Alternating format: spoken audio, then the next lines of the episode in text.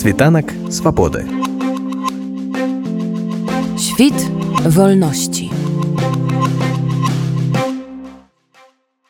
А вось украінскі гісторык дэпутат тэрнопольскай абласной рады і вайсковец Богдан будкоўскі спрабуе асэнсаваць гэтую вайну і ўдзел у ёй беларусаў па-мастацку зараз ён піша аповесць беларускі паход пры гэтым ад 24 лютага мінулага года Богдан знаходзіцца ў шэрагах узброеных сіл Украіны дзе стварае аповесць. Мы паразмаўлялі са спадаром Богданам пра гэты год вайны удзел ёю беларусі беларусі і беларусаў Подар Богдан. Паўнамасштабная вайна рассіі супраць Україніны цягнецца ўжо года пачалася яна з таго што варожыя войскі прыйшлі ва ўкраіну э, пад самы Кіў тым ліку з Беларусі. І вось вы спадар Богдан маючы немалы вайсковы досвед яшчэ з 14 -го году як бы вы ацанілі гэты год паўнамасштабнай вайны і асабліва ролю ў ёй Беларусі і беларусаў Ну, дивіться, перше, я хочу сказати, що е, незважаючи на те, що я воював в 2014-2015 році, зокрема під Донецьком воював в Пісках, це недалеко від Донецького аеропорту. Я більше схильний на ці події дивитися з точки зору історика. За освітою я історик, і розумієте, історики дуже багато вчать військових всяких операцій. І взагалі, я, чесно кажучи, не думав, що буде вторгнення, е, тому що ну я думаю, всі притомні люди розуміють, що таким чином е, це початок кінця Росії. Тобто, маючи стільки різних суб'єктів федерації, маючи стільки територіальних суперечок з сусідами, маючи такі складні е, відносини всередині країни, розпочати таку війну, це самогубство. Але я, мабуть, так само, як і інші, не врахував китайський фактор. Тобто, дуже важливо це китайський фактор, і я більше ніж певний, що без згоди Китаю Путін би не починав цієї війни. І, от, зокрема, ми зараз бачимо, прилітав Байден. На днях була розмова між дипломатичними лідерами Китаю і Блінкеном. Готується приїзд е, знову ж таки Сі Цзіпіня до Путіна в Москву. Тобто е, Україна і це широкомасштабне вторгнення це лише один з кусочків оцього пазла, який зараз відбувається Е, спроба скажімо так скинути е, світове домінування штатів і нав'язати багатополярний світ. Але ми розуміємо, що багатополярний світ це світ, в якому такі як Путін. Е, можуть безкарно пробувати захоплювати сусідні країни, тобто це не той світ, який потрібен всім цивілізованим людям. І я, наприклад, впевнений в нашій перемозі щодо початку війни. Знову ж таки, ви знаєте, нам колись один наш викладач на історичному сказав, що початок е, того, як поляки в 39-му році обороняли свою країну, тобто вони розосередили війська по всьому периметру, вивчається зараз в всіх країнах світу в військових академіях, як не треба будувати оборону. Тобто, якби, наприклад, польські війська в 39-му році дійшли до Вісли, то й вони б набагато довше оборонялися. Це багато що могло б змінити. Натомість вони розосередили свою досить велику на той час армію, але зазнали поразки всюди. Так само, оцей напад зі всіх сторін, який проводив Путін, він свідчить про дві причини: по-перше, вони дуже слабо розуміли політичний і, взагалі, військовий потенціал України. Тобто вони розраховували на легку перемогу. А по-друге, це свідчить про низьку якість їхнього командування і еліт загалом. Тобто, оці розтянуті безглузді колони по 60 по 100 кілометрів. Ви розумієте, що це на трасі це дуже легка здобич не тільки для джевелінів, але й для артилерії. Я, власне кажучи, 24 лютого виїхав на Київ, і в 25-го я вже був на блокпості в оболоді. Е, мої друзі воювали тоді якраз трошки північніше від нас. Потім я на Броварському напрямку воював, воював під Ірпінем. Ми ще одразу другі після гуру заходили в Гостомель. Я можна сказати, і очевидцем цих всіх подій. Насправді, оці колони елітні війська Росії, які були розроблені, вони були в першу чергу розроблені е, нашою старою артилерією, яка працювала в зв'язку з американськими. Е, спутниковими системами, тобто ми дуже гарно розуміли, де розташовані їхні війська, оці розтянуті колони, і таким чином вони втратили якраз е, оцей свій наступальний потенціал. Інше, що я хочу сказати, ви розумієте, чому я, наприклад, не розраховував, що вони зроблять таку річ. Е, всі ми пам'ятаємо чеченську війну. Вони не змогли взяти Грозний тоді. Ну а Грозний це на той момент 300 тисяч населення. Київ це 4 мільйона, певно, офіційно близько трьох. Ну я думаю, що там насправді населення 4. Ну це є певні дослідження, це можна перевірити. Ви собі скільки там бетону, скільки можливостей з тими самими джевелінами е, сховатися, та навіть звичайними там е, гранатометами, мінометами. Тобто, для того, щоб взяти Київ, їм треба було не менше 500 тисяч. От, тобто, всю свою групіровку кинути на Київ, і ще не факт, що вони б її взяли. Тобто, я думаю, що Путін і вище керівництво Росії воно перебувало і до сих пір перебуває в Омані. Е, це насправді е, хворі люди. Боятися їх ні в якій мірі не треба. Вони самі всіх бояться, і перед українцями і білорусами зараз відкриваються дуже хороші перспективи, скажімо так, відплатити московитам все зло, яке вони нам заподіяли, і нарешті стати вільними європейськими країнами, тому що ми розуміємо, що цієї війни ніколи б не було. Якби українці не повстали, якби майдан, який якраз відбувався в 2014 році, в ці самі дні, не переміг, і Україна не почала виходити з сфери російського впливу. Тобто, власне кажучи, оцей вихід і приєднання України до цивілізованого європейського світу і спричинив оцей етап війни щодо білоруських добровольців. Знаєте, я в своїй книзі описую там епізод певний, який відбувався в 15-му році у тих самих пісках. Так я наскільки розумію, я тоді вже знав, що там були деякі добровольці білоруси. Вони тоді були в складі правого сектора. Ну, я їх бачив, я сильно там з ними не спілкувався, але вже тоді вони були. І це, власне кажучи, вірний шлях. Тобто, якщо буде більше добровольців, які будуть переймати навички воєнної справи, якщо вони будуть більше, навіть можна сказати, медійно працювати, це буде великий вплив на білоруське суспільство, тому що всі ми пам'ятаємо протести 20-го року, коли вони були дуже мирні, дуже такі, я б сказав толерантні і до чого це привело. Тобто мирних людей е, в брутальний жорстокий спосіб розганяли і е, ці протести подавили. Тобто білорусам треба навчитися українців бути більш такими, як це сказати, жорсткими в відстоюванні своїх прав, своїх громадянських прав. І це вірний шлях. І безперечно, що якщо взяти роль, наприклад, півночі, тобто напрямку, з якого атакували Україну, що ми маємо розуміти?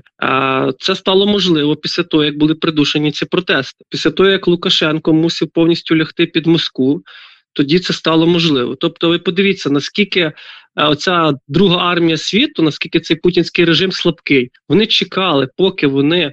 Е, візьмуть контроль над білоруською територією. Вони чекали, поки там розбудується якась військова інфраструктура в окупованому Криму. Вони дуже довго стягували це зі всього е, своєї території з далекого сходу, стягували війська, і це їм не дало змоги е, здійснити якісь свої наміри. Я вже не говорю про Київ, я навіть скажу, що вони із Херсона відступили. Тобто, це колос на глиняних ногах, це велика остання імперія, дні якої злічені. І на майбутнє я вважаю, що без незалежної е, і вільної Білорусі говорити про якусь безпеку України неможливо.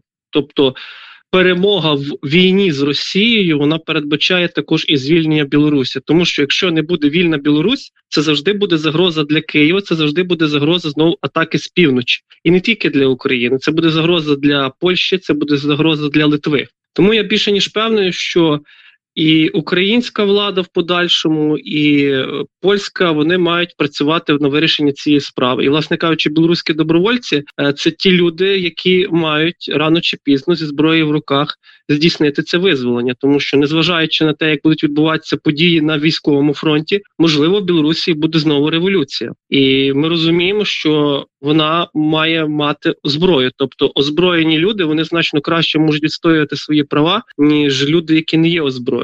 Е, люди, які пройшли бойові дії, вони значно краще і сміливіше можуть відстоювати якраз ці права білоруського народу на самовираження. Ви ось зараз пишете оповість, про яку ви вже згадали, основним лейтмотивом якої робяться стосунки якраз таки України і Білорусі, українців і білорусів. Ви галічанин з Тернополя, наколькі я ведаю, чому вашу увагу притягнула менавіта білоруська тема? Ну, дивіться, як я вже казав, я в першу чергу історик непогано розбирається в геополітиці. Повторю цю тезу, яку я говорив, для України Білорусь є надзвичайно важливою. Якщо подивитися навіть ту саму ситуацію з Києвом, це і безпекове питання, це і питання економічного розвитку. І, власне кажучи, моя повість вона в першу чергу про е, відновлення унії міжморя. Тобто, якщо ми візьмемо з самого початку Київську Русь. Київська Русь вона базувалася на торгових шляхах з півночі на південь, тобто шляхи з варяг у греки. Також був двінський шлях. О, це це був буковий, скажімо так, шлях варяко-греки, О, там, де виникло якраз князівство, і власне кажучи, оці торгівельні шляхи і історія, яка потім була і завдяки князівству Литовському, коли ми були в одній державі, оця територія вона завжди протистояла, скажімо так, е, різноманітним степовим таким ордам. Тобто там були половці, потім Золота Орда. Ну і Москва, по суті, вона є наступницею Золотої Орди. А ідея Київської Русі, ідея взагалі е, європейської цивілізації на цих землях це е, наша спільна спадщина, яка пронесена з часів Русі через Велике Князівство Литовське. Тобто, розумієте, десь так сталося, що Білорусь вона випала з українського контексту. Тобто. Е, ми в Україні не до кінця розуміємо, що таке Білорусь і наскільки вона для нас важлива. Ну, поляки тут набагато краще працюють, тому що ну е, поляки, скажімо так, подолали внутрішні проблеми. В нас ще до сих пір йде процес націотворення, реукраїнізації. Тобто, але треба дивитися наперед. І, власне кажучи, ця війна і, зокрема, навіть можна подивитися, як суспільство реагує на якісь загрози з точки, зору Білорусі, з білоруського напрямку. Вона привернула увагу. І я таким чином вирішив в художній формі, умовно кажучи, подати історичну геополітичну і в інформації також перспективи розвитку, тому що і економічно, і геополітично, і для України, і для Білорусі дуже важливе це об'єднання, тобто міжморя, чи це буде тільки з Литвою, чи це буде також з Польщею, яка зараз є членом Європейського союзу, важко вгадати. Але те, що це треба розвивати, і те, що без Білорусі оцей Люблінський трикутник він не буде повноцінний, це факт. Ну і вось калі ўжо мы гаворым пра Беларусь і Украіну мы ведаем што на пачатку вайны былі такія розныя стаўленні ва украінцаў да беларусаў да, да Беларусі як краіны якой кіруе лукашенко да беларусаў як народу як грамадзян гэтай краіны. Ці можаце вы неяк так рэтраспектыўна ацаніць вось за гэты год ці змянілася гэтае стаўленне ці пачалі разумець украінцы беларусаў коли почалося вторгнення, дуже багато людей, особливо ті, які пострадали там під Києвом, там Ірпінь, Буча. Ну їх можна було зрозуміти. Це була вже якась така трошки агресія і нерозуміння, скажімо, білорусів. І багато було таких в інтернеті публікацій, наскільки я пам'ятаю, от чому ці білоруси, які живуть в Україні, вони не вступають в тероборону, вони дуже слабо проявляють себе в захисті України. Ну але знову ж таки появився цей батальйон Каліновського. Були ще я наскільки знаю кілька формацій. І зараз дуже важливо, якраз щоб в Україні всі знали про полк Каліновського, про те, що він росте, що білоруси також пліч опліч з українцями воюють. Ну тому самому Ірпіні, там на сусідніх позиціях е, я воював з боку, були білоруси. Там, по-моєму, магазин бджілка був, тобто це недалеко було біля нас. Ну і таку інформацію треба поширювати, тому що кажу, Білорусь для нас і білоруський народ це наш перший стратегічний партнер. І в нас, наприклад, якщо з поляками є проблеми з історичною історичною пам'яттю. Тобто, ну от уявіть собі, ми там з поляками, наприклад, захочемо зробити більш тісний союз. Вони захочуть переглядати наше ставлення до Бандери. Для нас це неприпустимо, тому що Бандера це для нас однозначно герой. Для них Бандера це однозначно погана особистість. У нас з білорусами таких питань нема. У нас дуже багато спільних героїв. Той самий Константин Острозький. Розумієте? Тобто дуже органічно нам разом з білорусами поєднатися, і до війни ніколи не було поганого ставлення до білорусів. І я думаю, якщо ситуація буде розвиватися так, як вона зараз розвивається, то е, безумовно буде дружні ставлення. Єдине, що я хочу сказати, дуже часто мені трапляється в інтернеті, що інтелектуали українські, там українські активісти говорять, що мало, все ж таки мало. І, зокрема, якщо до хлопців з е, полку Каліновського нема взагалі ніяких питань, всі їх підтримують, поважають, то знову ж таки до Тихановської до уряду Білорусі в екзилі до них є питання, тобто що вони дуже мало працюють, в них позиції немає якоїсь такої чіткої, гострої, їх мало видно, і ну це, скажімо так, е, на це наголошують. Таке є. От це те, що я спостерігав. Якою ви бачите як історик е, перемогу України? Дуже важливий нюанс. Українці і президент Зеленський вони подають таку ідею, що це має бути повне повернення всіх територій, репарації і суд над військовими злочинцями. Ну, ми прекрасно розуміємо, що якщо повернення територій можна ще зробити збройним шляхом, тобто наша армія може їх відвоювати, то розраховувати на те, що поки Путін і ФСБшники при владі в Кремлі, хтось з них захоче нести відповідальність або в нормальному об'ємі здійснювати репарації, дуже важко. Тобто, це має влада змінитися в Росії, і тут ми маємо розуміти наступне: що поки Росія існує в таких кордонах, буде завжди небезпека, того, що там знову буде якийсь диктатор, авторитарний режим, і знову ж таки буде відновлення цих імперських е, апетитів. Я, наприклад, вважаю, що Росія має бути поділена, поділена на маленькі, середні, нормальні національні республіки. І тільки так ми можемо, і ми, і ви, білоруси, можемо бути спокійні. Після Другої світової що було? Була окупація цієї території Німеччини, поділ її на такі зони, де здійснювали, так би мовити, миротворчі місії е, союзники. Ну не знаю, чи дійде до якоїсь окупації Росії, це важко сказати. Але те, що принаймні санітарний кордон, такий як був між Німеччиною і Францією, це Рейнська область, було би добре створити для України. Було б дуже добре створити справді, хоча б на нашому кордоні кілька народних республік. Розумієте, в нас е, люблять вже так жартувати. Там Білгородська Народна Республіка об'явила війну Курській Народній Республіці. Там бавовна почалася. Насправді жарти жартами, але тут буде і певна історична справедливість, і певна безпека. Тобто говорити про якісь приєднання території, там, наприклад, Кубань, ну цього не буде. Нам цього ніхто не дозволить, і нам це не потрібно. Тобто, нам спочатку треба ще в себе провести остаточну українізацію, вирішити дуже багато питань, тому що до сих пір в нас в Україні є люди, які говорять, що розмовляти російською це окей. Ну це ненормально, і тобто, ну ми не готові, скажімо так, е, приєднувати ще якісь території. Це нонсенс. Але, наприклад, сприяти самовираженню Кубані або самовираженню Дону, або так як я, наприклад, в своїй повісті написав самовираженню Смоленська,